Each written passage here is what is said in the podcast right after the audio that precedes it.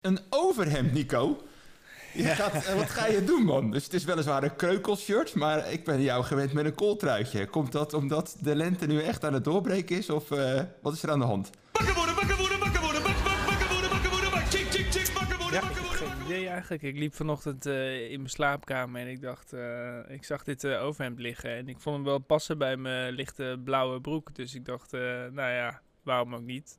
Je licht Let's blauwe do broek. Eh, heb je weer iets met een papegaai, of wat heb je vandaag voor broek? Nou, ik heb mijn papegaai aan, kijk. Hè? Ja, natuurlijk. Daar is die weer. Dus, eh, nou, dat is... eh, maar dan word je ook... Word je dan gewoon ook gelijk vrolijk wakker, of niet?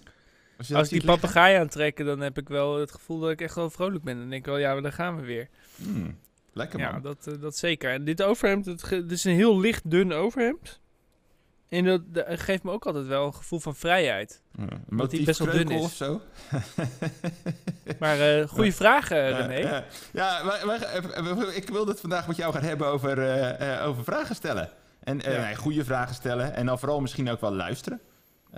Want dat zit daar natuurlijk wel, wel achter. Dus, want vragen stellen, ik merk zeg maar gedurende de tijd dat wij deze podcast nu hebben, merk ik dat dat is, iets is wat jij heel vaak doet. Eh, is dat iets van nature of heb je eh, dat jezelf aangeleerd? Nee, ik ben fijn, ik ben überhaupt blij dat je het opmerkt, want ik heb zelf het gevoel dat ik te weinig vragen stel. Ehm, heb ik dat van nature aangeleerd? Ja, ik denk, ik- nou ja, ik denk dat. Ja, is lastig. Dat goede, goede vraag. Goeie vraag, ja. Nee, ik denk wel dat. ehm, eh, zeg maar, op een gegeven moment ontdek je gewoon als je veel met mensen samenwerkt, dat als je vragen gaat stellen, dat je dan ja, veel meer de verdieping kan proeven eigenlijk hoe iemand anders in de wedstrijd zit. En waar die zit en wat hij aan het doen is en waarom die dat aan het doen is. Mhm. En, eh, het voelt voor mij als echt een nummer één tool eigenlijk om, eh, om in verbinding te komen met anderen. Door gewoon Ja. de hele dag vragen te stellen.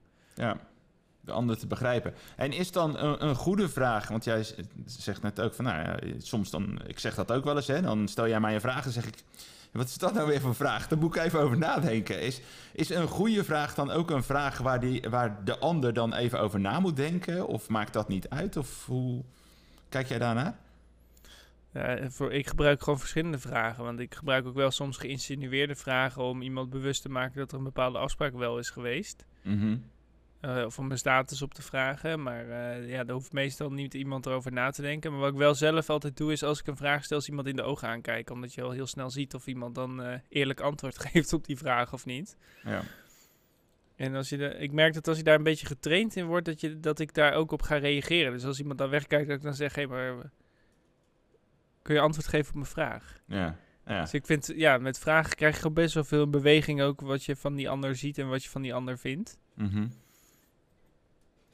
En dan nog vind ik het wel lastig, en dat vind ik het moeilijkste van vragen stellen, om het geduld op te brengen om die vraag te stellen. Zeker als ik gestrest ben, dan heb ik geen zin om mensen vragen te stellen.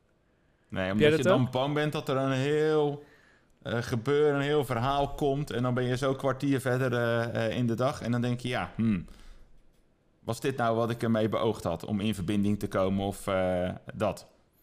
Ja, Oké. Maar Hmm. ik, ik denk wel dat de mate van de hoeveelheid vragen die er überhaupt worden gesteld op een werkvloer, heel veel zegt over de cultuur in het bedrijf. Want als mensen geen vragen stellen, dan doen ze waarschijnlijk net alsof ze het allemaal al snappen. Mhm. zijn ze niet bezig met innoveren. Want anders moet je. Dus, dus ik denk ook dat dat ook te maken heeft met de mate waarin mensen samenwerken. Als je sa- veel samenwerkt Ja. en er worden veel vragen gesteld. Ja, dan, dan is het dus wel een cultuur van samenwerken. Ik denk Ja. ook niet dat je kan samenwerken als je geen vragen stelt aan elkaar. Nou, ik denk ook als er veel vragen gesteld worden, dat er ook een, nieuwsgierige cultuur is.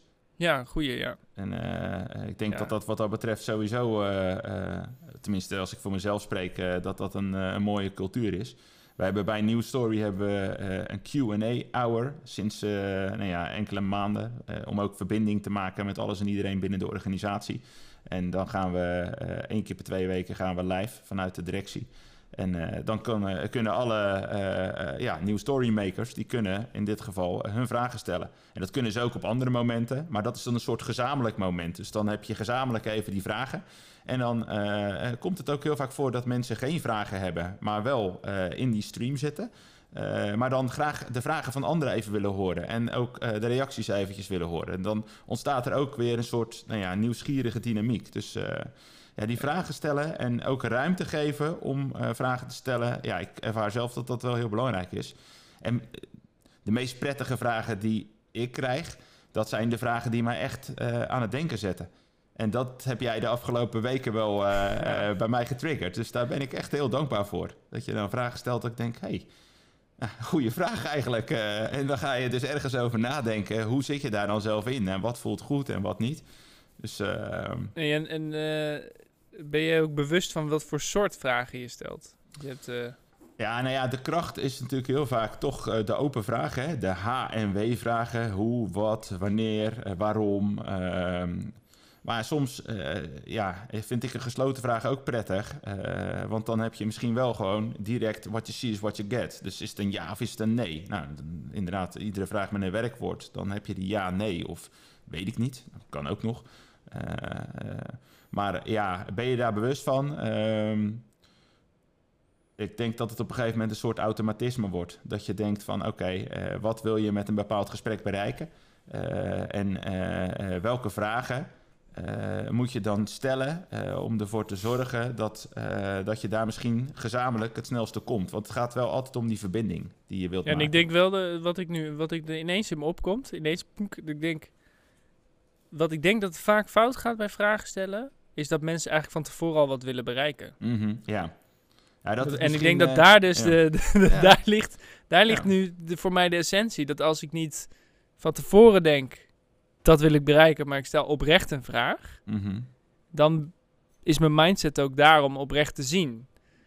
Terwijl als ik van tevoren al een vraag stel en ik wil ergens naartoe, ik, ik, als ik terugdenk, ik, ik, vaak heb ik al een bepaald oordeel klaar voordat ik de vraag stel. ja. En ik denk Eh, dat ik daar voor mij echt wel grote, grote, grote les nog ligt. Ja, nou ja, het ligt er misschien ook wel een beetje aan hoe je zelf helemaal in het leven staat. Kijk, ik wil heel graag eh, eh, elke dag een stapje beter als het even lukt.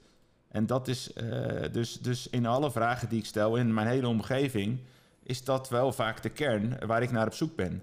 Eh, dus dat is wel gewoon vragen stellen om eh, eh, nou ja, het collectief of, of zeg maar de ander aan wie ik de vraag stel, maar misschien ook wel ikzelf op dat moment, dat je, dat je ook zeg maar vooruitgang boekt. Dus dat is niet zozeer dat je heel erg, nou ja, ja, ik wil graag vooruitgang boeken en dan stel je vaak vragen van hoe kun je dat mogelijk maken. Dus ja, het ligt er maar weer aan. Kijk, als jij heel erg bewust zeg maar iemand vragen gaat stellen en eh, ehm, eh, die vragen zijn misschien eh, met een soort negatieve lading. Of ja, dat is, dat is dan wel een hele andere manier van vragen stellen. En Nee, de lading zit er al niet meer in, maar nu, nog maar nu nog zeg maar het oordeel er nog uit. Ja, nou ja, goed. En wat ik ook wel zie is, ik, ik coach natuurlijk best wel veel jongeren, Mhm. is dat die bang zijn om vragen te stellen. Er is Ja. een soort ego-situatie waarin ze eigenlijk het zelf willen kunnen. en het dan niet gaan vragen. En daardoor leren ze niet zo hard als dat ze zouden kunnen. En dat is ook zo grappig dat je dan... Dat je, je ziet ook aan medewerkers die minder vragen stellen. Als ik heel eerlijk ben, de medewerkers die minder vragen stellen, zijn Ja. ook minder effectief. En, Ja. en die denken heel effectief te zijn, maar zijn gewoon minder effectief. Ja, ja die Puur alleen doordat die ze geen ontwikkelen het vragen minst hard eigenlijk. Ja, en maar Ja. Ze, trekken ook, eh, ze trekken ook vaak ehm, eh, de omgeving niet mee. Dus de kennis zit vast in hun. En ze zitten ergens op een hoekje iets te doen waarvan niemand weet wat ze aan het doen zijn. Want, ze, want het is niet alleen vragen stellen aan anderen, het is ook dus rapporteren aan anderen. Dus er hangt voor mij hangt er een lijn in dat je gewoon kan zien of een medewerker goed in het team past aan de hand van hoeveel vragen die stelt aan anderen. Ja, dus, En je hebt een paar anderen ertussen zitten die solist zijn. Een paar eh, techneuten bijvoorbeeld, waar dat niet aan de orde is. Maar eh, eh, nu ik erover reflecteer, denk ik wel, ja, degene die veel vragen stellen, dat zijn ook echt pareltjes. Ja. Dus, eh, nou, oproep voor iedereen. eh, stel vooral vragen en eh, maak verbinding met die ander.